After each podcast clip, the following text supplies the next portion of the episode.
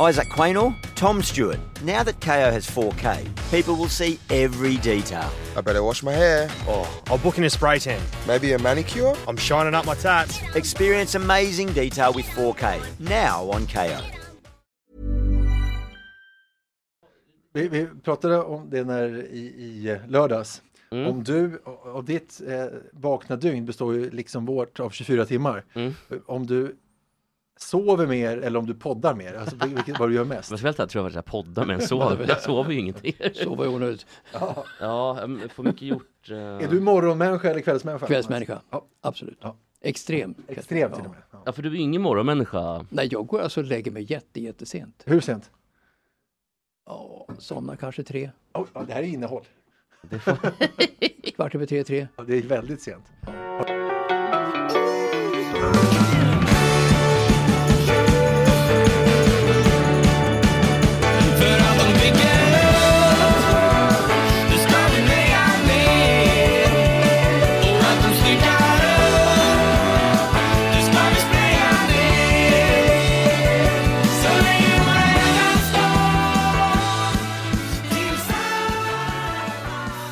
Love Antell och Florence Valentin, Love är huvudsångare där, med allt de bygger upp ska vi meja ner. Och vad innebär det? Jo, det innebär att det är Gott Snack Sportpodd och det är fjärde avsnittet. Med mig som vanligt Mats Strand, äh, Sandberg. Med mig som vanligt Mats Strandberg. Tackar, tackar. Jag blev helt eh, till. Att Jag tänkte det gick så jävla det var bra. Mats Strandberg? Nej, det, nej, men det gick så otroligt bra där. Ja, med mig, Mats Strandberg. Ja, med mig Mats Strandberg. Man lik Mats Strandberg. Ja precis. Här då. Vi har, eh, börjar om det helt enkelt. Love, nej det gör vi inte. Jesper Ekstedt heter jag. Vi har Mats Strandberg. Vi har Olle Palmlöf. Och du är, alltså, du är alltså kusin med Niklas Ekstedt, kocken. Det stämmer. Det sagt. Det stämmer. Också ehm, son till flytt, eh, Ekstedt, Mikael Ekstedt. Ja, det är Och, eh, lika många som bryr sig om det. Och finansman Lennart Ekstedt. Ja, oj. Så att, eh, Mycket att bära på. Ja, Ett sådär. tungt ok. Stor, stor ryggsäck. Ja, Precis, har en farfar som är uppvuxen på Vikingagatan. Äh, fy fan, Fick vi det sagt dig. också. Ja, det är tråkigt för Hörni, eh, det har ju varit väldigt trevligt att följa Snack Sport vad jag förstått. För många har varit väldigt förtjusta och är väldigt förtjusta i Mats framförallt. Så är det och förstås. de är förtjusta också tror jag lite Äh, grann. det är Mats. Men det är Nej, Mats som nej, är det får man ta. dragplåstret. Ja, det får man ta. Det ta i kanske. Ja. Många är- tycker att du är otroligt bjussig och trevlig med anekdoter och annat. Och därför tänkte jag att eh, vi, ska, vi ska prata lite om vad vi ska prata sen. Men vi ska börja med det numera klassiska, ehm, eh, det klassiska inslaget Lillen Eklund-anekdoten. Alltså Lillen Eklund är ju en del utav mitt liv faktiskt. Eh, Fyra EM-matcher sitter som berg i mig, som grundbultar faktiskt. Alltså 80-talet, slutet på 80, 85-87. Eh, Och eh, ja, Lillen var ju mobbad under de här åren, i media inte minst. Lite som Ulf Båge och Tom Engstrand mot dig. Ja, ungefär så ja. Kände du ett släktskap redan då Ulf till Båge mot Lillen? mig, ungefär så ja. Ja, men precis. Är det därför Lillen ligger dig så varmt om hjärtat? Ja, så är det. Så är det. Fan, vilken- Tom Engström var ju mera elak. Men, men, eh, men, men, men, när det handlar om Lillen så, så tog jag parti för honom för det var en väldigt eh, genuin, eh, trevlig kille från Skutskär. En arbetarkille, snickare i grunden. Får man bara svära lite kyrkan, kändes lite korkad redan innan alla smällar. Det här är känsligt. Ser du vad säger du jag, säger, jag säger inget.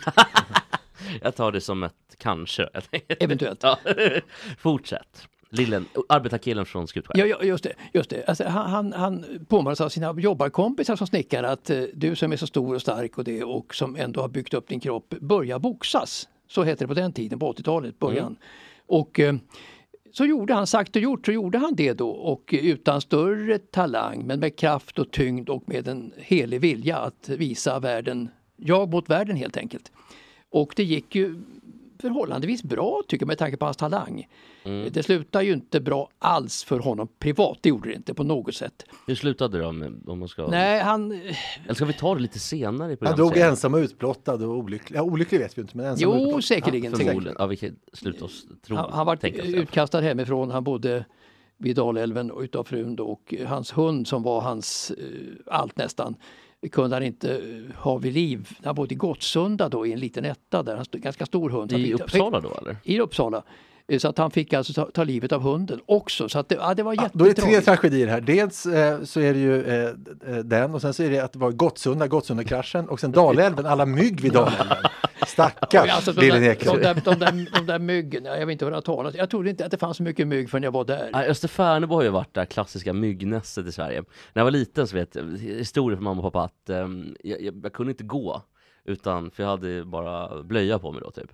Att det var så mygg över hela, liksom, bara under en sekund när jag gick ut eh, ur huset. Stackars Jesper. Ja, då fick de komma med någon sån här um, DDT-spruta och spraya ner mig i princip. Man, man trodde ju då, jag var mycket Härjedalen och Jämtland och sådär, det var ju också mycket mygg då i juli men det tänkte man att det, det kan inte vara mer mygg än vad det var där i Dalälven men det var det verkligen och jag håller med dig att det gick inte att gå ut överhuvudtaget. Nej. Det var som en, det var som en vägg av mygg bara. Och, och lillen måste ju ha haft samma problem då. Ja, Fast vi pausar här, vi, vi hörde eh, Sveg, hörde vi precis, Härjedalen nämligen. Du sa Ja, Härjedalen. Sveg är ju, måste ju vara världens eh, Olympia, eh, mest Olympialyckade eh, samhälle i hela världen. Per capita då eller? De har ju så många OS-guldmedaljörer. Skidskytte. Eh, ja, men flera, An- Anna Lemoine, eh, An- Anna-Karin Olofsson eh, som sen blev eh, eh, Sidek. Just Eh, det. de har eh, två curlingspelare till och också hon, curling. också hon som var i eh, fjärde kvinna i, i, i stafetten, längre än de andra i stafetten, vad heter hon? Längdåkning är därifrån. Anna Haag? Nej. Nej, hon la av för tre år sedan. Här måste vi pausa och klippa in nästan. I- Ida Ingmarsdotter? Ida Ingmarsdotter Ja, naturligtvis. just det. Som har också varit med i Åsarna IK som är stora där uppe. Ja, men precis. Men det är ändå Hon är fem, fem OS-guldmedaljörer från lilla Sveg. Och lilla Sveg som ändå är det största samhället i Härjedalen. Det är inte det konstigt? Ja, men vi har ju, det är alltså den eh, ort eh, som inte bara är störst i Härjedalen utan det är också den som är mest OS-guldtät. Så per capita då i hela världen? Ja, eh, Alltså, kan, ja, antagligen. Det kan vara. Förmodligen, An- förmodligen. vi, vi kan dela lite. Anna-Karin Olofsson, Anna Lemoine, eh, och längdåkerskan som hette Ida Ingmarsdotter? Ida Ingmarsdotter och sen två till från curlinglandslaget där. Och sen ger jag mig banne på att det är någon till som vi har glömt här. Vad heter hon då? Elisabeth Lund, är hon därifrån? Ja, men säkert. Men det, det är ändå Men- men sjukt. Hur, hur, hur det är möjligt, en så liten ort alltså så, som eh, eh, Sveg, det är ju inte så mycket större än Rimbo faktiskt. Nej. Något större än Rimbo. Rimbo har ju ingenting mer än den här fotbollsspelaren Rimbo Lundblad på, på, på 60-talet. Alltså, du ingen, ingen jag, annan tror, jag tror också att Marcus Karlsson är ho- fotbollsspelaren från Djurgården. i, i, i, i Rimbo. Ja, jag tror det. Några fotbollsspelare från Rimbo. Vad heter han? Rimbo-Olle, eller vad sa du? Nej, eh, Rimbo Lundblad. Rimbo Lundblad hette han ja. Såklart. Jag tror bara att eh, Rimbo-mackan därifrån också, Marcus Karlsson då. Ja, ja. Back i, i, mittback i Djurgården. Men kan det vara det, det landskap som har minst eh, huvudort? Det enda som kan konkurrera är väl Dalsland egentligen som Med har Åmål som största ort. Så att Åmål och, Borgholm då på Öland kanske, kan det också ja vara? men det är ändå en liten stad. Alltså, enda- Sveg är mindre. Alltså, Ja, Sveg är, ingen, mindre. Sveg är ju ingen stad En, heller. en, enda landskapet utan stad är ju Härjedalen. Precis, Sveg är ju ingen ja, stad då. jo, men Åmål är ju inte mycket till stad om att du har Det är, en- Bengtsfors. det är ändå här. en stad. Ja, om vi, om vi tar Dalsland med det. Ja, Okej, så. ja, ja, men då, då ger jag mig. Eh, om man tittar på, vi ska fortsätta här med, med anekdoten snart, vi har redan svävat ut i en kvart om det här. Men jag tänker att eh, Lappland har ju Kiruna, som ändå är så här halvstort, det är större än Sveg åtminstone. Ja, Kiruna var under många år världens största stad till ytan. Precis, och det tycker jag ändå, då spelar det ingen roll hur mycket befolkning du har, utan då är det... Är alla det fall- inte det fortfarande? Kanske är det. Jag, jag det. tror jag- att det är en kommun i Australien som är störst nu. De har ju såna oerhört stora ytor, eh, framförallt inåt landet där.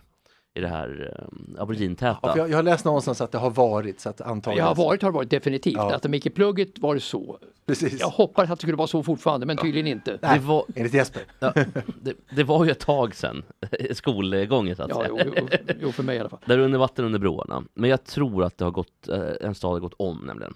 Skitsamma, eh, vi ska prata, vi skiter i landskapet tycker jag.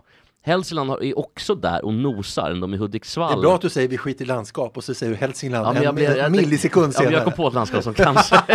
De har ju, de har ju Örnsköldsvik också i Ångermanland kanske. gamla Hudik, ja just det. Mm. Nej men eh, Lillen Eklund då, han hade problem, han var fattig och skadad i huvudet efter alla smällar. De, fick ju inte träna och sparra i Sverige då på den tiden, det var i Köpenhamn i Danmark och det. Och där lanserade de faktiskt en kavaj i Köpenhamn som de kallar för Lillen. Och den var utan slag. Är det på riktigt? Ja, Var, det, ganska- var det Mogens Palle och det gänget eller? ja, eh, skojar du? Mogens Palle var, var väl den klassiska eh, promotorn va? Precis. Som eh, jo, höll på med boxningsmatcher helt enkelt. Ja. Lite Skandinaviens Don Ja. King som man brukar Ja, säga. eh, Alltså dottern tog över sen men sen tror jag inte att det har, att det har gått i kvav efter det. Eh, Men Mogens Palle var ju en riktig storhet för svenska boxare, proffs på den tiden. Enda liksom, Det Crunch var gänget. ja det var nummer ett, alltså det var alternativ nummer ett. Det var Mogens Palle, hade gott rykte. Han var relativt sett till eh, konkurrensen då ärlig kan man säga jämfört med många andra, det var han. Vanlig affärsman. Typ, Så, så att de fick pengar för sina matcher, vilket ju alla inte fick i världen för sina matcher. En annan som var ärlig, det var ju faktiskt Cas Damaro som- var eh, manager Ja. åt Mike Tyson och Floyd Patterson. De behövde aldrig något skrivna kontrakt. Han, var, han framstod som en skurk, men han var ärlig. Men till det vill jag faktiskt fråga Mats, en, en, en riktig fråga. Eh, Brian Nielsen, dansk boxare, som mötte Tyson.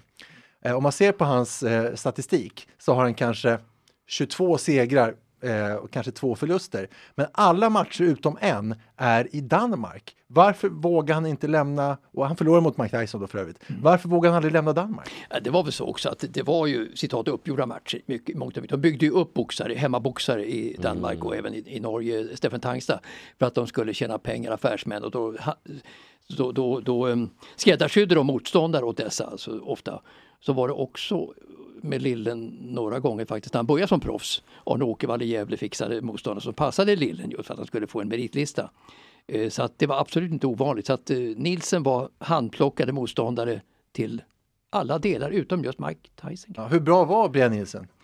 Ja, han var ju stor, han var ju eh, ja lite som Lillen kanske också, men han var ju också försagd och hade eh, kanske svårt att eh, eh, hitta hitta kvickheten i fötterna och så vidare. Och eh, hårdhet och det och inget och dåligt fotarbete, vilket ju är jättedåligt för en boxare.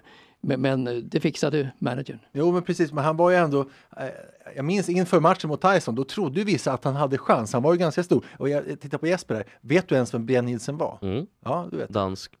Dan- Eh. danska. Nej, men, eh, han mötte väl inte bara, jag tror att han har mött, Han mötte en del storheter. alltså till exempel Crunch va? Nej, nej, de är helt Nej, olika. Det viktklasser. är olika viktklasser Ja. med. Crunch var ju mycket, mycket lättare.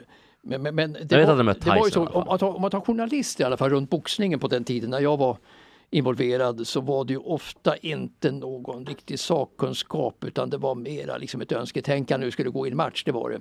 De skrev ju upp då typen Nielsen då, alltså journalister då för att eh, skapa i, hos och, och publik och så vidare på en match. Eh, orealistiska förhoppningar och så vidare kring honom många gånger, det var det.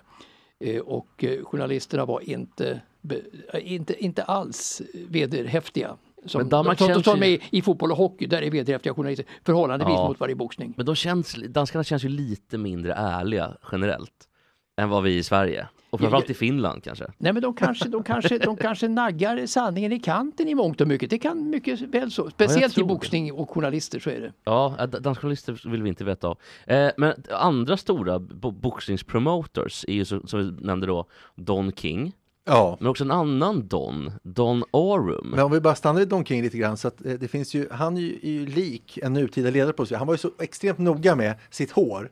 Hans image var att hans hår skulle se rufsigt ut. Precis. Och det, han, så varje morgon satt han ju länge med sitt hår för att det skulle se rufsigt ut. Och det påminner om en ledare idag på en helt annan nivå. Boris Johnson naturligtvis. Ja, han lägger ner så jo, mycket jo. energi på att han ska se Ja, rufsig ut. ja. Men, men, men den, den, den, den, den King, han var ju en, en, vilken personlighet egentligen. Att trots då att han, eh, han var ju satt inne för dråp också under en period. Det gjorde han. Ja, och, så, vid- och, så vidare. och kom tillbaka och hade många så kallade vänner på vägen upp som pushade upp honom och det. Så att hans personlighet var ju vinnande helt enkelt. Jo. Är- Tillbaka till Jespers tråd som vi snodde från dig.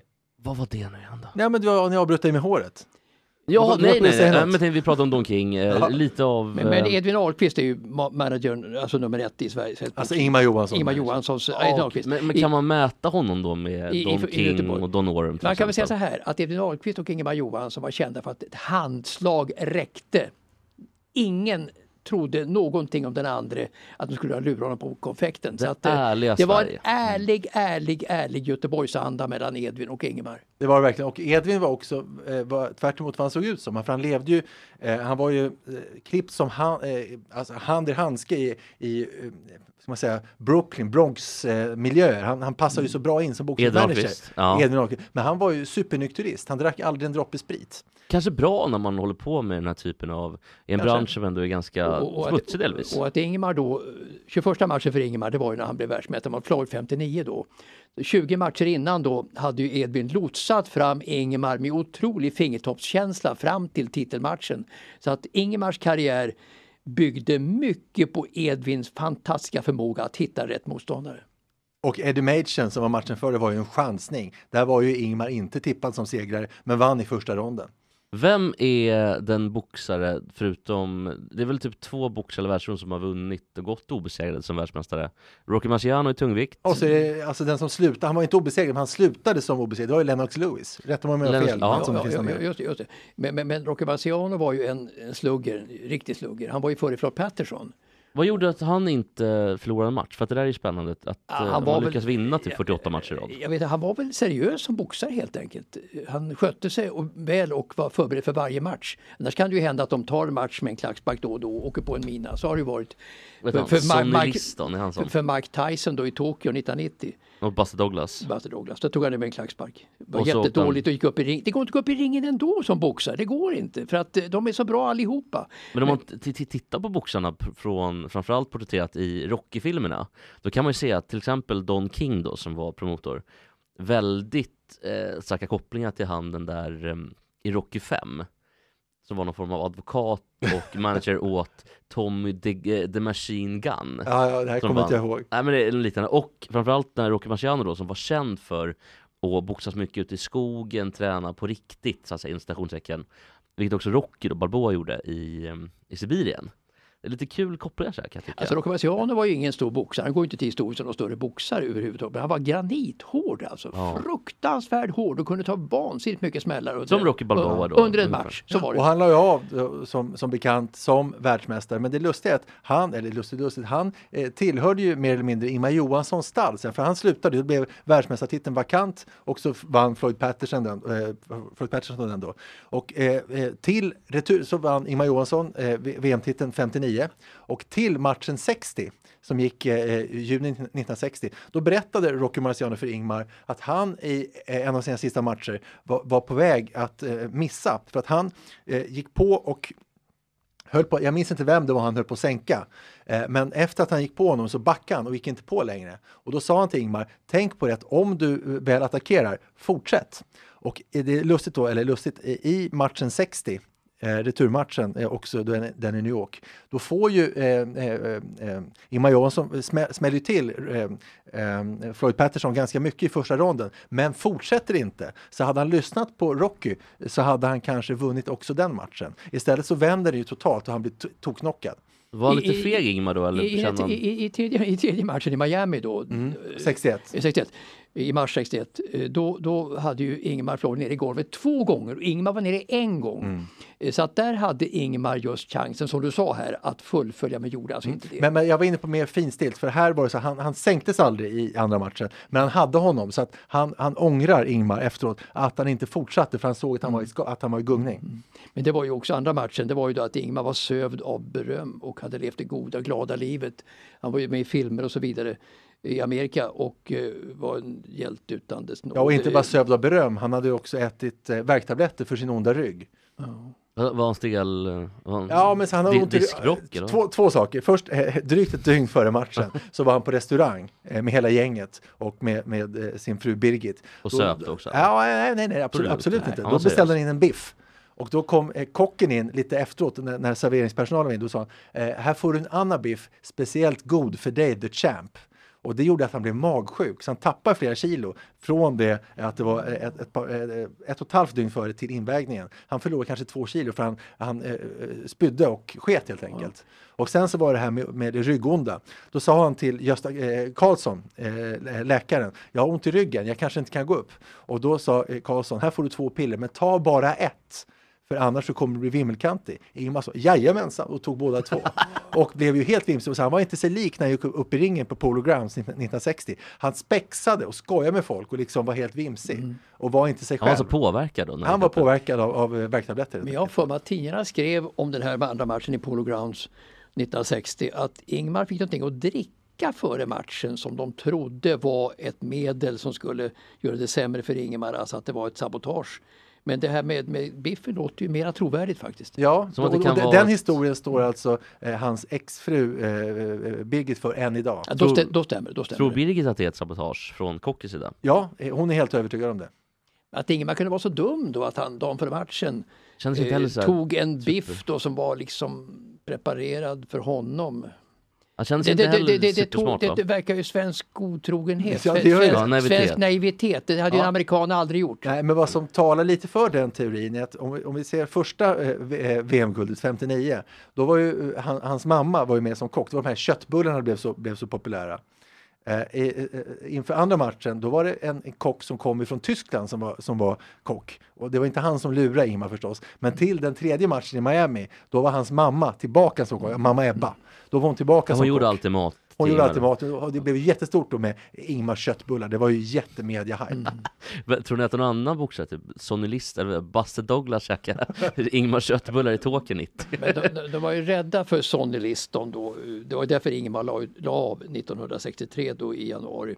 För att eh, han skulle möta Sonny Liston och vågade inte möta Sonny Liston. Det, var, det, var, Var så, han lite det skulle bli en da capo kanske på 1952 års OS-final. Ingmar Ingmar? ville inte, ville, inte få stryk och sen knockade ju Sonny Liston knockade ju Floyd i första ronden två gånger. Så att det var ju klasskillnad. Var han lite feg? Ja, så här Ingmar? var det. Eh, Bra fråga. Så här är det att Ingmar Johansson eh, från tidig, eh, tidig ålder sa jag, jag är inte feg, jag vill bara inte ha stryk. Eh, Så att han var nog mera smart. Han, vill, han ville liksom inte få smällar. Men som, som Mats säger så, så ville han ju inte slåss mot Sonny Liston. Och hans sista match blev istället mot Brian London som var en ganska medioker boxare från England. Och som han mötte på eh, Hovet i Stockholm. 63 ja. 63 och då vinner Ingmar Johansson. Men det roliga är att han, när han tror att matchen är över, tre sekunder kvar bara, så får han en fulsmäll, eller han var en vanlig smäll av, av Brian Johnson och eh, eh, Jack London och går i, i backen. Och rubriken i DN, alltså eh, eh, texten på DN dagen efter är Vakna Ingo, du vann och, och när han såg det då tänkte han shit det här kanske är över. Men sen kom det erbjudande från Sonny Liston som han tackade nej till. Alltså Nick Åslund var ju den som myntade det här eh, klassiska. Han var, det- han var på Dagens Nyheter då Nick Åslund. Släkt med Tommy och... s- Han var, han var, Eller Sanny Åslund, han-. Nick Åslund. Han var ju, han var ju inte Martin Åslund heller. Eh, Och eh, jo, han var ju, alltså Nick Åslund var ju ganska medioker skribent i Aftonbladet och dit då i DN. Men, men den här rubriken gjorde honom odödlig. Ganska rolig rubrik. Den är ju bra. Vakna Ingo, du vann. Visst är den det? Jättebra rubrik. Tänk att hitta en sån Ja, rubrik. Jag tänkte bara på den boxningen då, om man, ni som ändå hållit på med en del och, och tittat och, och kommenterat. eh, Topp 5, Sveriges största Ingo-kännare och så vidare. Eh, om man är rädd eller om man är lite, jag vill inte ha stryk i boxning. Blir det inte lite samma som i hockey då? Att kliver du inte in ordentligt i en duell och tar smällen så är det farligare för, för spelaren själv. Är det, samma i boxning? Frågan går till Mats Strandberg. Jag tror inte att det kan jämföras riktigt. Alltså blir du boxare så är du inte, alltså spelar du hockey så kan du tänka att du vill spe- spela hockey för att det är ett skönspel, det är ett tekniskt spel, det är ett bollspel. Men jag tänker ändå, tacklingar, fysiken är ändå en del av Jo, det. Alltså, jo, jo men du räknar inte kanske med det i hockey, men i boxning räknar du ju med att det kommer att blåsa hårt, alltså det blir ju smällar framåt. Så att du börjar inte syssla med boxning om du inte är beredd på att gå in och ta en riktig fight. Om man men- inte ingår då mot Sonny Liston. Ja, Och 52 är alltså. Sonny var ju, han var ju så uppmålad i, han var ju fängelsekund. Han började boxas i fängelset och uppbackad av sina polare internerna där. Så kom han ut, ut ur fängelset och gick matcher eh, som byggde upp honom till den här Oj. V- VM-kron, Ja. VM-kronan då, Sonny Liston, eh, som dog 1970 tror jag i en på en Olycka. myskosätt som de aldrig utredde sedan 1970 i Denver. Så dog Sonny Liston 1970. Det ska vi prata om nästa vecka. Då ska vi prata om vad som hände med Sonny Liston. Då har vi lite gräv. Men, Perfekt. men, men, men Sonny var utmålad som en skräckfigur så att det Ja. gjorde intryck på Ingemar så var det bara en, en sven, naiv svensk mot denna jättelika, jättelika, jättelika. Hur stor var han då? Var han två meter eller? Nej, Han var, inte, han var stor, han var bred. Otroligt på- bred, med otroliga muskler, otrolig kraft. Alltså han slog ju sönder de flesta, ungefär som Mike Tyson gjorde sen. Men Mike Tyson hade ju tempot, det hade ju inte Sonny riktigt. Men, men eh, Sonny Liston var ju fruktad, verkligen. Får man eh, komma med en liten, kanske impopulär eh, tanke bara, om att vita boxare och svarta boxare ser olika ut i kroppen. Att vita boxare ser mer ut som skogshuggare, alltså inte Ja, de, men det är väl inte konstigt att inte säga de här- att öst, öst, östafrikaner är bra på långdistans och västafrikaner på kortdistans. Ja men det är väl någonting sånt, för, för att, Ja, man att titta på Ingmar Mm. och Marciano och även de här senare då, Vitali Klitschko och vad heter det andra, Vladimir Klitschko. Ja. De är ju mer, det är ju inte så att de har eh, de här otroligt korta liksom explosiva musklerna, utan det är mer långa, tunga muskler. Jo, men jag tror inte det är så kontroversiellt. Att folk, folk ser olika ut, så är det ju. Ja men just de här, i alla fall tungviktsboxarna, att det är en väldig skillnad på... Men Ingmar Johansson såg ju väldigt bra ut. Han var ju populär. Han var en folkhemsk Bland damerna svensk då, verkligen. Ja, bland damerna också. Han sjöng ju på, på Rondo i Göteborg med storband och sånt där. Så att, alltså Ingmar var ju en kille som hade en vinnande stil. Tror du att Kan- Birgit, var han helt trogen till Birgit tror ni? Eh, nej, det är inte vad, inte vad vi tror, det var han absolut inte. eh, till och med inför VM-fighten 59 så försvann han ju på, på diverse grejer. Och Birgit var ändå med då eller? Ja, hon var med. Han var, hon var med. Men, men som, som Mats säger, alltså, han var ju supersocial Ja, och var supertrevlig. då. Han var med på Dinah Shore Show eh, och, och sjöng. Alltså, eh, sjöng. Och sen gjorde han ju också en långfilm efter VM-segern 59 eh, tillsammans med Alan Ladd och eh, Sidney Poitier. Så hade en roll i det. Så han var ju alltså... Jaha, men Mr Sidney Poitier, alltså den Ja, eh, gigant. Ja. Ja. Eh, Sen var med Ed Sullivan show, skulle haft Floyd Patterson efter första matchen. Oj. men, Precis. men Ingmar ersatte och gjorde dundersuccé i amerikansk tv. Så här var det. Nej, men- Han, så här, Ingmar såg nämligen tv-tablån för och såg att Floyd Patterson skulle vara gäst inför deras, deras första match och tänkte vad fan, hur kan de veta att han ska bli världsmästare? Vi har inte ens boxat sen. Och sen slutade det med att det blev han som var gäst istället för att han vann. Det var snyggt.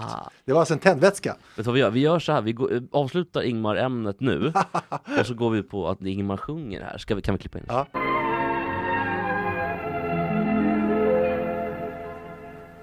Tack Värmeland du sköna, du härliga land Du krona bland Svea rikes Hörni, eh, det har hänt eh, kul grejer på um, fotbollshimlen. Eller kul och kul. Det har åkt ut massa lag och det har gått upp massa lag. Eh, jag tänkte faktiskt berätta, ska jag titta tab- till tabellen ordentligt bara så att allting blir rätt så, så man inte eh, sätter någon, ingen blir slagen på fingrarna i onödan. Men det som hänt i alla fall att ligan har ju avgjorts i Sverige för två veckor sedan. Men framförallt så har den avgjorts i Norge. Vet ni vilka som vann norska ligan?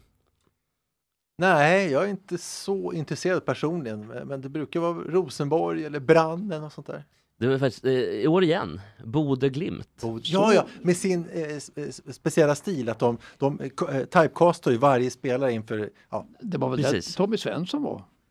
Det Bode kan Glimt. nog Ja, varit. ja. det var han ja, Mm, fast det var mm. innan de skapade den här eh, speciella eh, värvningsfilosofin. vet du, filosofin. Eh, filosofin, precis. Eh, Det som eh, Boda har gjort då i alla fall, och förra, förra året vann de ju nästan alla matcher. Jag tror att de hade typ en oavgjord och en förlust. Det var helt vansinnigt. De har ju varit på gång många år och har, väldigt bra spelare. De har ju någon, jag kommer inte ihåg vad han heter, men en mittfält som är värd väldigt mycket pengar till exempel.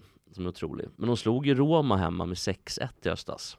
Så att man har ju ett Det är väldigt ju bra lag. otroliga siffror egentligen. Ja, det är fantastiskt. Det Det, det. det, går svårt att ta in. Och också med Mourinho som är erkänt skicklig defensivt.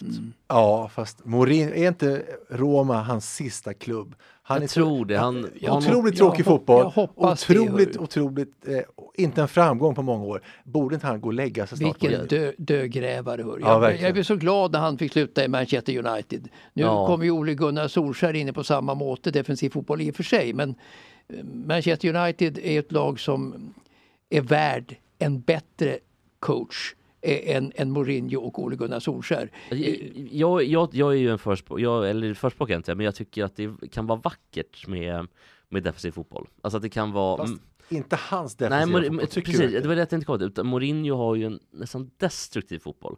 Vilket var väldigt, eh, defensiv var väldigt bra i början på 2000-talet. Och en bit in. När, de, när han vann med Inter var det ju otrolig fotboll. Alltså defensivt, om man tittar bara taktiskt. Att man slog ut Barcelona, man slog Bayern München i finalen. Man fick Milito gör ju 2-0. Ja, Det är otroligt. det, Men det känns som att- ja, absolut. Nej, det känns som att efter det så- jag har svårt för defensiv fotboll, det har jag verkligen.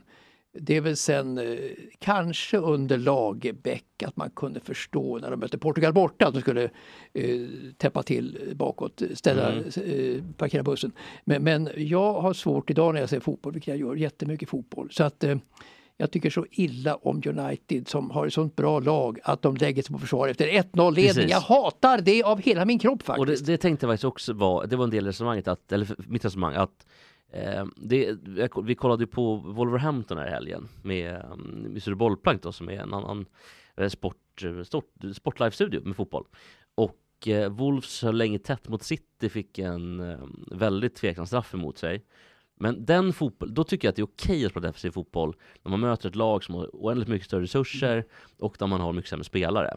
Så då tycker jag att det är okej. Ja, fast jag tror att, att ett lag som, eh, som Mats var inne på, som backar efter 1-0 le- eh, 1-0-ledning, alltså statistiskt förlorar på att backa. Om de, om de i sina huvuden låtsas att, eh, att de istället ligger under och går på attack, så sk- tror jag, eh, tvärt emot Mourinho, att de skulle eh, gå bra statistiskt. Framförallt lag som, nu gör, nu gör ju inte City det så mycket, men United har ju faktiskt gjort det. Och det, det säger mycket tycker jag om Uniteds självbild, att man, att man leder med 1-0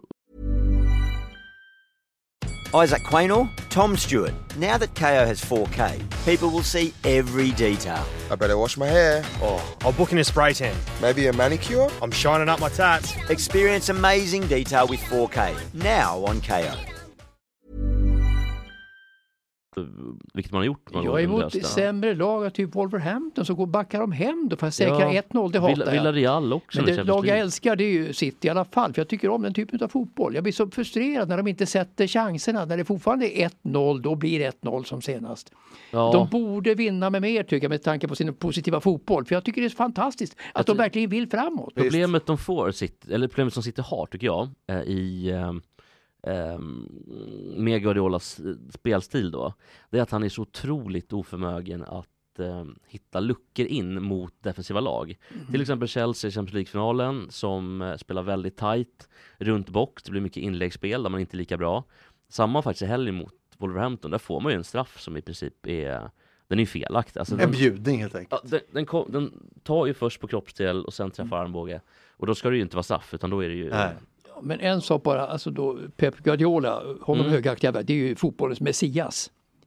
Han, han har ju Ja. ja. gjutit in det som fotboll handlar om. Först då 2009 till exempel i Barcelona. Mm. Världens bästa klubblag genom tiderna, 2009 års Barcelona. Det är Ja, de var bra. Ja, det är det, är för 17, där har du helt rätt. Det, det är det. Och, och, och sen då nu också i Manchester City, att han håller fast vid sin idé vad fotbollen går ut på, som jag tycker bara subjektivt då. Mm. Så jag hyllar honom verkligen för att han står emot Mourinho-tänkarna och så vidare. Som i min värld så är Pep Guardiola sänd från himlen.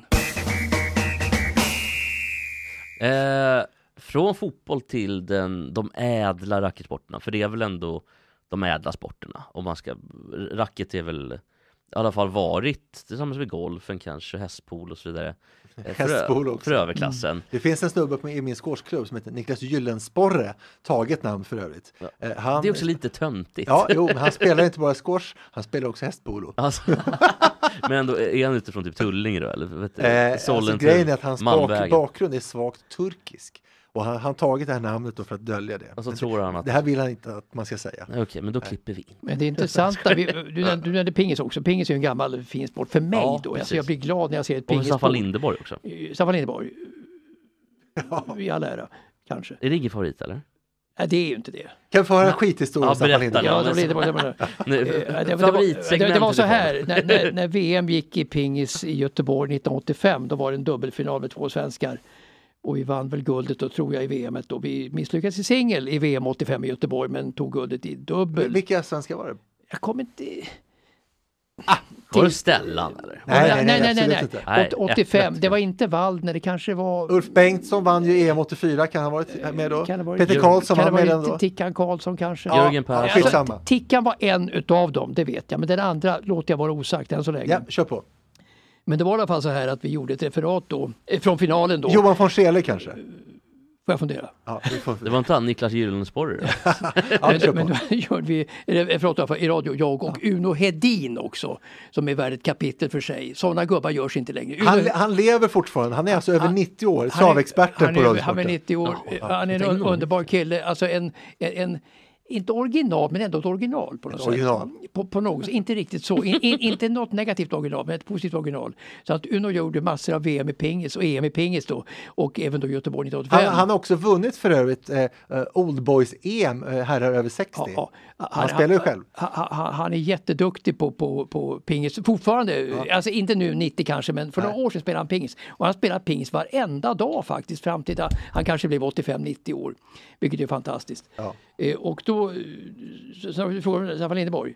Till. Eh, Lindeborg. Eh, Ja. Då, då, då, då skulle han sitta nere vid hagen då som sån här eh, eh, reporter. Alltså, ring, Flygande reporter. Flygande Och reporter. Vad var i hagen för något? Vi Jag måste vill bara, säga vad Jesper, Jesper har alltså noterat, specialavsnitt av Uno Hedin och vi går vidare med Hagen. Ja. Jag ser, vi måste ha hit Uno. Alltså Uno och jag satt ju och, och, och, och refererade med matchen då. Nej, Men eh, Staffan Lindeborg var ju så pass otroligt begiven på att vara med då i radio hela tiden så att han ropade in sig i tid och otid utan att det var det minsta motiverat. Hade alla Ungefär som, lägg ut, lägg ut. alla möjliga sätt att, att få sin existens bekräftad då vid, vid eh, ringside som man säger, nere vid hagen då, vid pingisbordet. Och sådär. Eh, Så att när Uno då gick och snack, eh, han skulle kommentera, då släppte de in Lindeborg flera gånger. Uno skulle säga, han kom inte in och så Lindeborg och så Uno kom, kom inte in. Och så Lindeborg. Vill inte Uno in Lindeborg då? Eh? Alltså, Uno, Gå ut härifrån, Uno. Uno kom inte in i matchen, utan Lindeborg tog över. Hela tiden tog Lindeborg över. Uno blev satt på plats verkligen. Så att det tog hus i helvete när matchen var över sen. När Lindeborg kom upp till positionen på Skandinavien i Göteborg så fick han en otrolig utskällning av en otroligt frustrerad Uno Hedin. Med all rätt. Var det någon Uno annan? Hedin vill jag bara säga, han hade ju väldigt konstnärliga texter. Hans eh, eh, V65 som det ofta var på den tiden, tips, Mm. inleddes ju ofta eh, alltså väldigt eh, vackert litterärt. Det kunde vara Cervantes skrev eh, redan på 1500-talet och här är jag idag. Alltså, han hade väldigt snygga starter. Jag vet mycket väl vem Uno. Ja, ja, jag kommer ihåg. Jag, jag, jag, vi satt ju Ja, ofta på, på, här Uno gillar ju whisky, det gjorde han. Och han gillar också Stig Sjödin, alltså arbetarförfattare och så vidare. Så att, eh, han var ju från, sprungen från Kopparberg, han var rumpmas Uno Hedin. Så att han var, kom han från, hans farsa var smed, han började som smed också. Jaha. Och förlorade sitt ena finger tror jag i, som, Jaha. som, som smedhalva faktiskt. Hur höll han i bracket? Det var- Det är som japanska maffian, de har ju som kännetecken att Ja, det hugger var, av sitt det, finger. det, det, det var ja. vänsterhanden. Men han var Ja, det här var högerhanden. Där, därför skiljer han ut sig från japanska maffian. Förlåt. Men han var, han, var ju, han, han var ju redan som grabb då i Kopparberg. Kopparberg, Kopparberg. Kopparberg. Kopparberg. Ja, en, en profil då, så att han sökte sig ut och så kom till radion så småningom. Han var på Esso först som, eh, som kontrollant. På, vadå på bensinmack? Bensinmacka, bolaget, alltså? kontrollerade att de gjorde sitt på bensinmackarna på Esso på den tiden. Men sen, Finns fortfarande kvar sen kom han till radion, Ja, dag, ja, Dagens. Eko då, i alla fall. Och, och eh, han eh, Italien. hade ju en otrolig förmåga att berätta historier och det. Men hade inget omdöme alls. Var, var han... Gillar spriten eller? Nej, bara alltså mycket begränsat. Men hade inget omdöme. Nej. Han hade bra känsla för språk. Han. Ja. Var det han som sa lycka till? Ja, det var han. Och jag, jag har aldrig brytt mig om hästar överhuvudtaget. men- jag såg fram emot hans Ja. V65-tips varje vecka. För han var så duktig på språk. Ja, han var vä- väldigt duktig. Han, han, texter. han, var han hade tre stora intressen. Och, tre stora intressen. Det var ju pingis naturligtvis. Och sen var det då mm, trav och så var det schack. Ah, och, det är också, Rest, resten lät han vara. Ja, och, och kanske bra så, men det är också han som gjorde det legendariska första reportaget med Jan-Ove Wallner eh, när han bara är 12 år och har gjort elitserien-debut.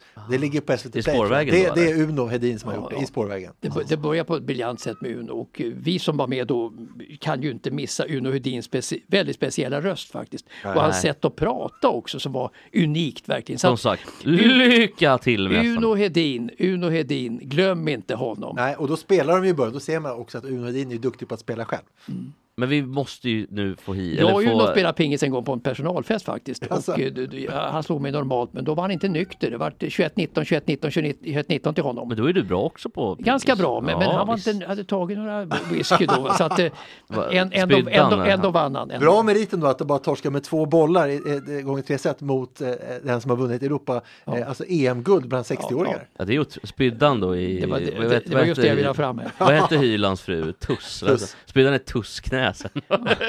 Stöka till och Hyland blev förbannad och eh, slagsmål. Men Lindeborg då, han har haft några roliga... Um, har ni haft något no, no stök?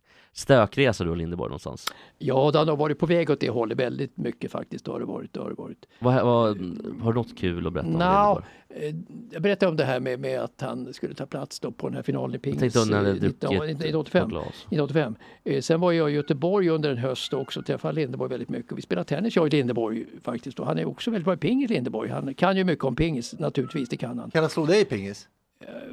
Han slog eh, mig förmodligen i pingis. I tennis var vi väldigt jämna kommer jag Ja. ihåg. Vi, så vi, vi hade bra, bra tid i Göteborg när jag var där nere eh, på 70-talet. Och det. Men sen så gick han, eh, han gick bakom ryggen på mig också i VM 85. Gjorde, Det gjorde ja, vad gjorde han då? då?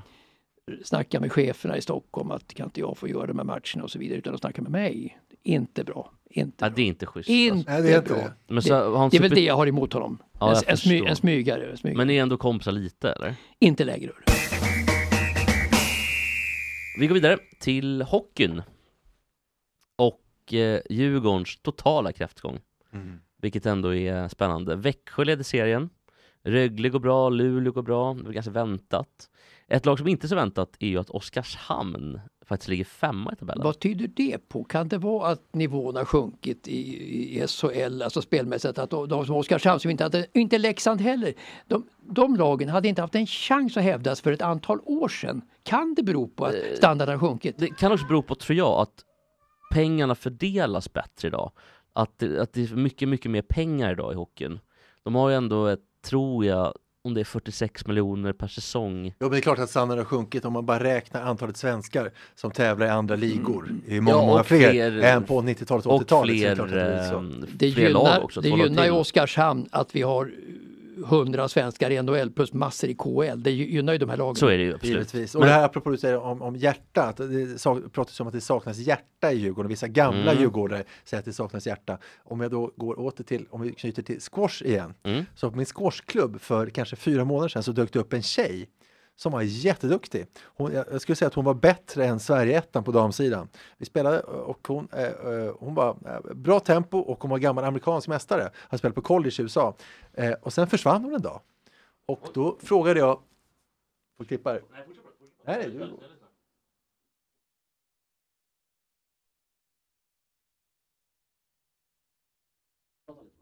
Eh, jo, vi har alltså eh, gruppspel så att eh, man dyker upp då och då och sen så en dag så var hon bara borta, dök inte upp längre. Och då frågade jag de som har hand om squashklubben vad som hände med henne. Då sa hon, "Ja, men har du inte hört att hon var gift med vad han nu heter, amerikanen som var, spelade i Djurgården. Eh, Det var därför han var här och han hade inte hjärta nog så han blev ju petad, han fick Ja, sparken och Carey. fick, fick börja ett eh, lag i Baltikum istället. Precis, Jaha. Dynamo Riga. Ja, så, precis, och därför för- försvann eh, hon från squashen. Är det sant? Ja. Men, men det man kan säga om Djurgården då, alltså jag Han ju- saknade alltså hjärta, han, han kämpade inte och därför Nej. fick eh, Men det tycker jag är bra äh, agerat ändå, att då, kan, då får han åka ut. Ja visst är så, jag minns att dagen före så, pra, så pratade om det och då, då sa hon att, att tränaren, den amerikanska tränaren var så otroligt illa omtyckt. Alla hatade honom. Och sen fick Alltså Barry Smith. ja. Barry Smith fick kicken och sen dagen efter fick då eh, hennes man kicken. Men Barry Smith var väl en felvärvning från start nästan. Han har ju varit i Sverige förut. Ja, I Leksand till exempel. Men eh, att han skulle sätta snurr på Djurgården var väl ett önsketänkande Ja, för säsongen. Verkligen. Men alltså jag, ju, jag tycker Jocke eh, Eriksson då som fått spark, eller som, han avgick officiellt sett i alla fall. Han har fått sparken. Jag tror han fick kicken ja, ja så är det väl. Eh, och att han har eh, levt i en drömvärld hela ett och ett halvt år nu för att visst han kan skylla på pandemin och sådär men man hade ju alla möjligheter år för Djurgården. Jag, jag är, det kan jag säga, jag är djurgårdare. Jag har inte varit så... Det, det har framgått. Det har framgått. Jag är inte så glad över det. det. Men, men jag kan, kan tänka, Vad som har hänt Jag, men- men- jag, historiskt har jag ju följt, följt Djurgården naturligtvis. Och Mm, så vidare. i Stock, Stockholmsklubben, eh, den ledande storklubben naturligtvis i Stockholm. Och för många, många decennier och det. Så att för mig är det otroligt märkligt den resa som Djurgården nu har tagit faktiskt ner till jumboplatsen. Det finns inte i mitt medvetande att det ska kunna hända överhuvudtaget. För Djurgårdens varumärke var så vansinnigt starkt i, i så många år alltså tidigare. Framförallt nu när de var på gång också. De Ja, hade, ja. 2018 gick till final. Ja, det är 2019 inte länge sedan de var i final. Precis, 2019 gick de till semi, året innan semi, sen var pandemin dålig då. Och så anrikt också, jag menar Djurgården startade bara en månad före AIK. Det är väl 1891 båda klubbarna startade, tvillingklubbarna. Ja, Så det, det går ju långt tillbaka i tiden. Alltså, problemet tror jag som har varit är ju jag tycker i alla fall att det landar mycket på sportchefen. För att man har byggt, man har liksom sminkat en gris istället för att bara acceptera eh, Det är en självbildsfråga också. Man, man kan acceptera att man, ja, men jag tror i år så Visst, vi har lite mer resurser än förra året, men vi har inte riktigt spelartyperna. Vi, då skulle i alla fall jag, sportchef, ha värvat in spelare som är hyggliga spelare i SHL-spel som gör jobbet. Ta en pissäsong, klara dig kvar utan att, få kval, utan att kvala. De har värvat in dyra transatlanter som på papper ser jättebra ut, som har gjort 700 NHL-matcher och gjort flera säsonger i KL och gjort mycket poäng där. Men som inte, som vi pratade om, de tar inte jobbet. Det är svårt att acklimatisera sig till elitserien för att Ja, men det, är verkar inte som- lätt liga. Men Thomas Johansson, gamla Djurgårdsikonen, Mm. han är ju eh, chef i Leksand och Leksand går ju som, eh, mycket bättre alla som fall. tåget. Så jag undrar varför han inte är i Djurgården fortfarande. Eh, jag tror att han kände sig motarbetad. Jo, men han borde komma tillbaka och styra upp det här. Men att, Ja, a- a- verkligen. a- att analysera en klubb och så vidare som Malmö under en period, här, Malmö FF alltså, och fotboll och även Djurgården i fotboll, AIK i fotboll. Det är lite lättare tycker jag än i ishockey. Mm. Alltså ishockey är ett annat spel. Det är svårt att sätta tummen på vad som egentligen är fel i, i en klubb som inte fungerar, tycker jag. Eh, det finns otroligt många förklaringar jämfört med hur det är i fotboll. Och till Jockes försvar, Ja. ska jag ändå säga det till Jocke Eriksson då, försvar, att det är mycket svårare att bygga en trupp i hockey eftersom hälften försvinner efter en säsong, eller fler försvinner. Du kan ju ha fyra spelare på kontrakt i, i slutet av maj, när, eh, när inte allt Ja, och så sticker vidare till klart. KL och det är inte så kul. Nej men du kan inte veta någonting och så är det någon sommarkamp eller summercamp då i NHL till exempel eh, och, och så vet man inte om de kommer hit eller om det blir AL för dem, farmarlagen. Så att det är så otroligt svårt och, och så Schweiz, Tyskland, Finland, det finns otroligt mycket ligor. De har mer pengar Men, men jag tror ändå att, att eh, eh, hockey, SHL då, jag, så, eh, så tror jag att det är väldigt mycket beroende på hur tränaren kan ingjuta intensitet och vilja hos ett lag i hockey. För det handlar ju väldigt mycket om att laget ska vara mm, tänt till tusen, alltså i de viktiga matcherna. Men också förstå hur, Ja, vi- vilket jobb som måste tas i de här tredje, fjärde kedjorna. Ja. Det är så lätt att hamna där, att du har två kedjor som på pappret eh, producerar. Sörensen har ändå gjort, eh, Marcus Sörensen då i Djurgården, har gjort Mm. 21-22 poäng i år, vilket är helt okej. Men det spelar ingen roll om du har två kedjor som producerar noll.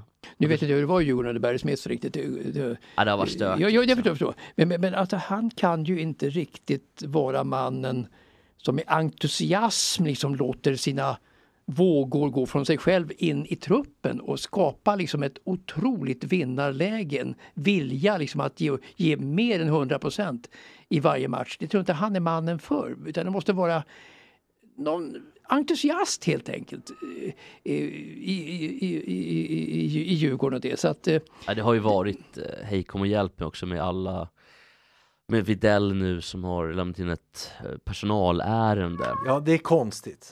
Ja, om, det, är- om det stämmer att det är det här med ehm, att han inte fått vara kapten, då är det, det måste ju vara någonting annat. Men Ja, det om, måste- det- om det, Det är stämmer en så är hund det ju... begraven och så är det katter i bakgrunden här. Om, Ja, om det det får man låter mjau så är det katter. ja, det är, Men, Det men, en men, men eh, ja, Widell, ja just det, Widell. men han har ju han har ju problem med andra klubbar också. Men det är också så här, ta inte dit honom då. Nej, Värva spelare som är Du, pålitliga. du får inte hitta spelare som så att säga, sätter grus i maskineriet heller. Va? Som motarbetar kanske eh, sättet som tränaren framför eh, budskapet, eh, alltså i, bakom kulisserna då, att hitta på andra saker och det.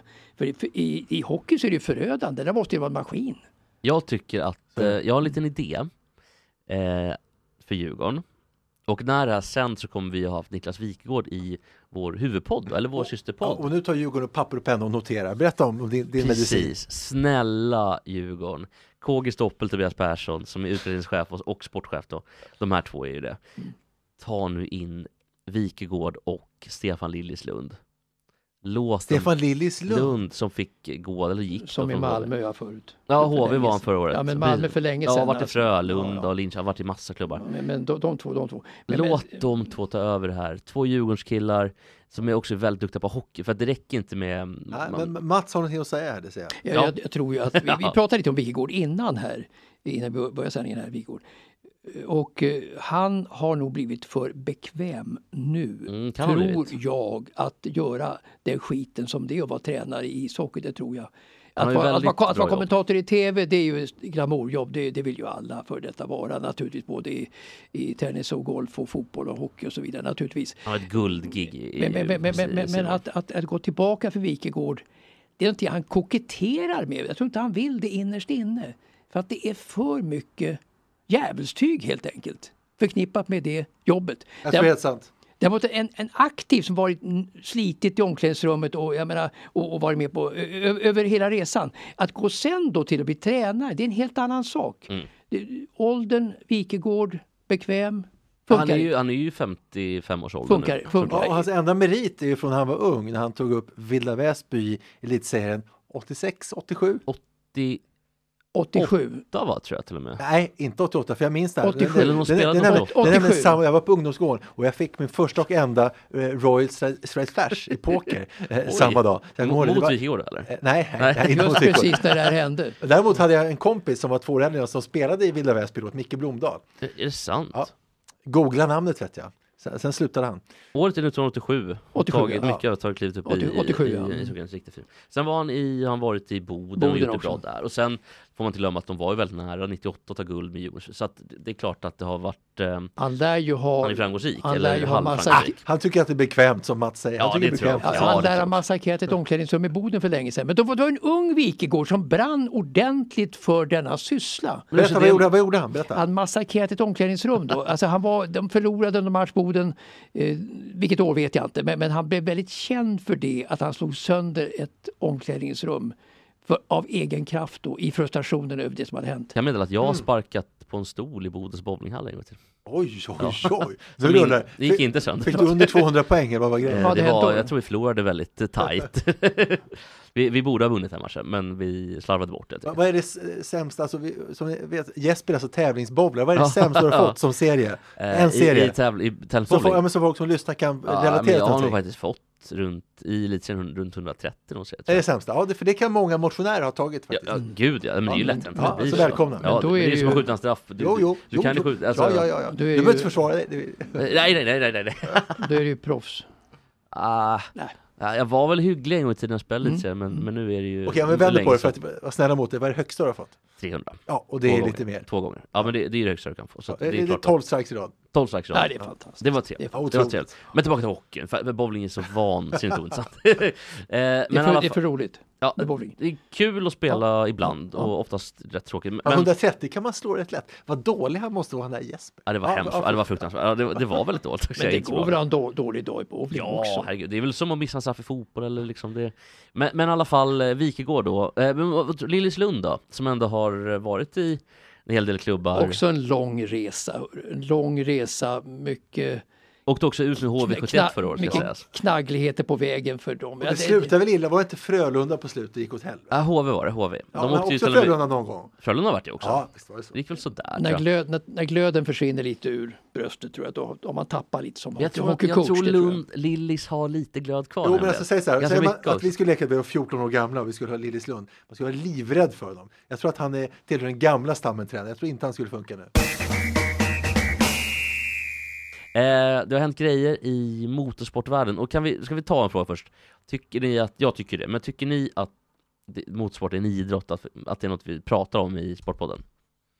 Jag brukar säga så här ofta att eh, jag följer Ronny lite grann i Anderstorp på den, på den tiden, alltså som eh, ja, eh, Pettersson. Och, eh, och då tyckte jag då att eh, när man rankade Sveriges största idrottsmän då så var ju Björn Borg var ju alltid etta då. Såklart. Och sen var det kanske Ingmar, Ingmar var väl tvåa då. Ja, Stenmark Sen, tvåa. sen tyckte jag att Ronny Pettersson kom före Stenmark. Jaha.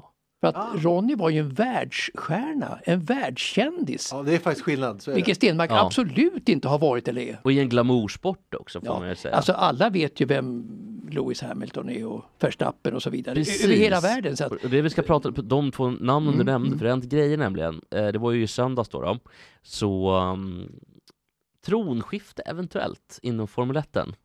Vet ni vad som hände? Ja, och det är att eh, Schumacher blev, har blivit eh, tidigare under den här säsongen blivit av med sitt rekord i antal segrar. Eh, eh, Av Lewis Hamilton har ju slagit det. Men han fick stryk av eh, Verstappen.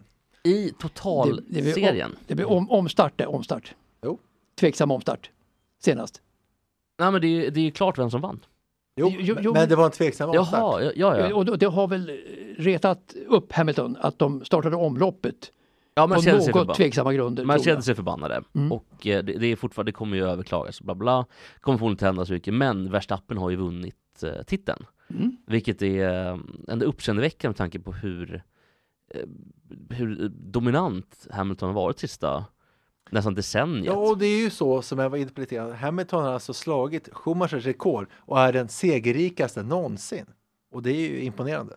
Väldigt Jag blir lika förvånad då när, när Verstappen eh, så att säga, vann senast eh, som när HV nu hotas i allsvenskan utav Modo. HV var ju nästan klara för att gå upp. Ja, precis. Och nu är Modo där och Björklöven strax efter. Vad är det som har hänt? också. Så att det är ett. Versta- Verstappen, Verstappen eh, memento för mig. Ja. Kul också tycker jag att det händer grejer i, i, for, även i Formel 1-världen. Att det inte bara är en, en ohotad etta utan att det finns fler som faktiskt kan Det är det ju, men Formel 1, eh, ni kanske tycker eh, annorlunda än jag, men jag tycker att Formel 1 faller helt och hållet på att det avgörs av bilarna. Hade de haft Mm. likadana bilar så hade det varit jätteroligt. Det tycker jag är Ja, jag, supertråkigt. jag. Så att eh, min idrotts...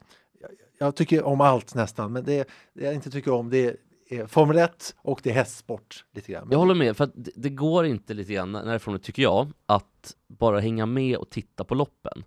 Utan vill man verkligen eh, ge sig hän, då måste man läsa på allt. För att bilarna spelar så mycket större roll än vad en fotboll gör, eller vad träningsmängden gör det i, kan man säga. Eftersom alla är, fotbo- är fotbollsfan då, visst det kanske finns, eh, du kan ha en lite bättre tränare och sen har du ju pengar till spelare såklart. Men det är ändå sånt som syns på planen. Eftersom du ser taktik och, och liksom hur de spelar. det. Men när det gäller bil, du kan ju aldrig veta hur en motor ser ut till exempel. Men, men än, ännu värre var ju faktiskt när Mario Andretti och eh, Ronny, Ronnys sista år då, 78, tävlade om att bli världsmästare i Formel 1. Sen dog ju Ronny då i september på Monza Mm. 1978 som alla vet. Världens farligaste ja, stadion va? Ja, ja visst. Eh, Och, och ehm, det kan bara konkurrera med Linate-flygplatsen. Där svenskar dog i en katastrofal olycka början på 2000-talet. 2003 va? En Concorde som Li- åkte rakt in i... Nej, inte Concorde. Det var, det var ett... Det var en eh, tysk, två tyskar var det i ett litet privatjet som kom in på fel eh, bana eh, och där svenskar, jag tror att det var SAS-plan som skulle starta Mm. med många svenskar ombord, som krockade och sen havererade to- totalt. Ah. De, och de fick ju långa fängelsestraff, alltså de som myndigheterna för, som basar för Linate-flygplatsen. Så, så det gjorde- den gjordes ju om efter det, det var en katastrofflygplats. Ja, för det var en, en Concorde som åkte in i... ehm, Nej, inte Concorde, det var tidigare. Det var Concordes dödsdom. Concordens dödsdom, det var, det var den här olyckan som du pratar om. Men det här var alltså Ja. svenskar, så 10-15 som dog i, just före jul. Jag tror det var 2001 på Linate-flygplatsen i, i Milano. Och jag vill bara knyta an till en sak vi pratade om tidigare, att eh, eh, Joakim Bonnier var en av eh, Ingmar Johanssons bästa vänner. De bodde grannar i Schweiz i början på 60-talet. Och det fanns en, en nyårsfest där, eh, där Ingmar bjöd Joakim Bonnier. Och på samma fest var, nu har jag inte namnen i huvudet, men alltså fem andra världsmästare eh, eh, som tävlade i, i Formel 1. Och fem år efter den festen så var alla döda utom Ingmar Johansson. Och det gav Ing- Ingmar en tankeställare. Oj. Det var Kul det där med, med eh, kul och kul, men Jocke Bonnier körde ihjäl sig på Le Mans då. Jag tror att det var eh, 70 eller 71 eller 69. eh, eh, Var han också- Med Bonnier och, och Ronny då som har för, förolyckats. För, för det finns väl en Joakim Bonnier en sen, senare då som har varit ehm, VD för Expressen va? Eller ansvarig utgivare? va? Nej, det blir fel namn, inte Joakim. Inte Joakim Nej, Bonnier. nej. Vad kan han heta då? Ja. Inte Bonnier heller va? Nej, in, inte riktigt det. Men, men, men så var det, att de här, på de här festerna, och det, alltså, ja, vid sidan av, jag minns inte namnet nu, men på de här, de här sex eh, Formel 1-förarna så var alla döda utom Ingemar Johansson eh, något år senare. Och det, det tog på honom. Men det var ju sådana enorma faror på den tiden för Formel 1. Nu Ja. har ju det byggts bort totalt. Linate-flygplatsen har byggts om, Monzabanan har byggts om och även då reglerna för bilar och alltihopa i Formel 1 har också gjorts om. Så att nu händer ju inte olyckor på det sättet. Det Men, men då, då det va? riktigt mycket dödsolyckor. Niki Lauda att komma ihåg. Just det. Som nästan blev, sönd- som blev sönderbränd. va? Söderbränd, men kom tillbaka och blev världsmästare igen. Och lever va?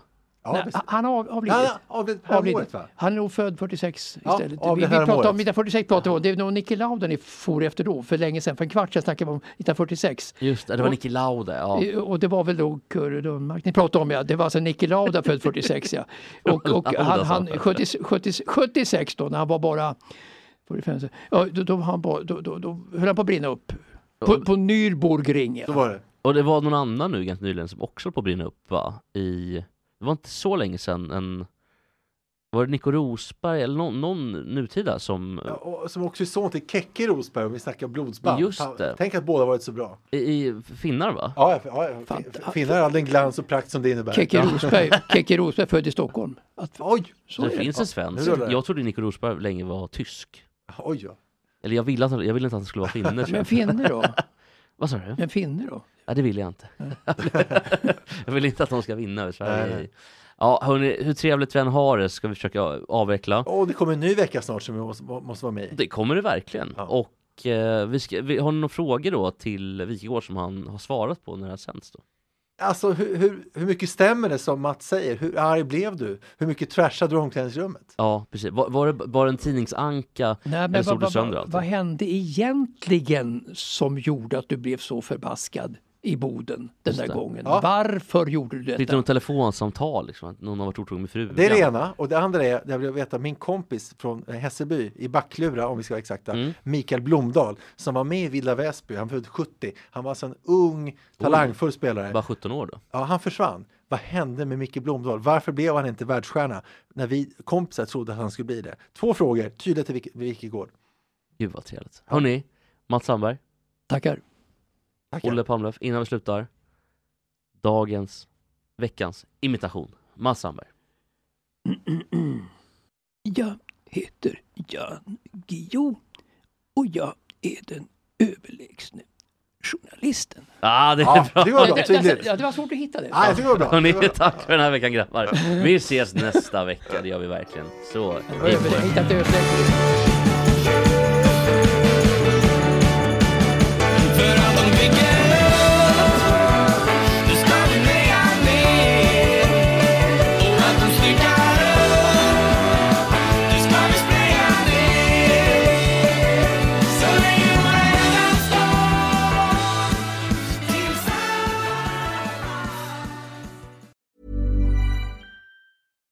Isaac Quaynor, Tom Stewart. Now that KO has 4K, people will see every detail. I better wash my hair. Oh, I'll book in a spray tan. Maybe a manicure? I'm shining up my tats. Experience amazing detail with 4K now on KO.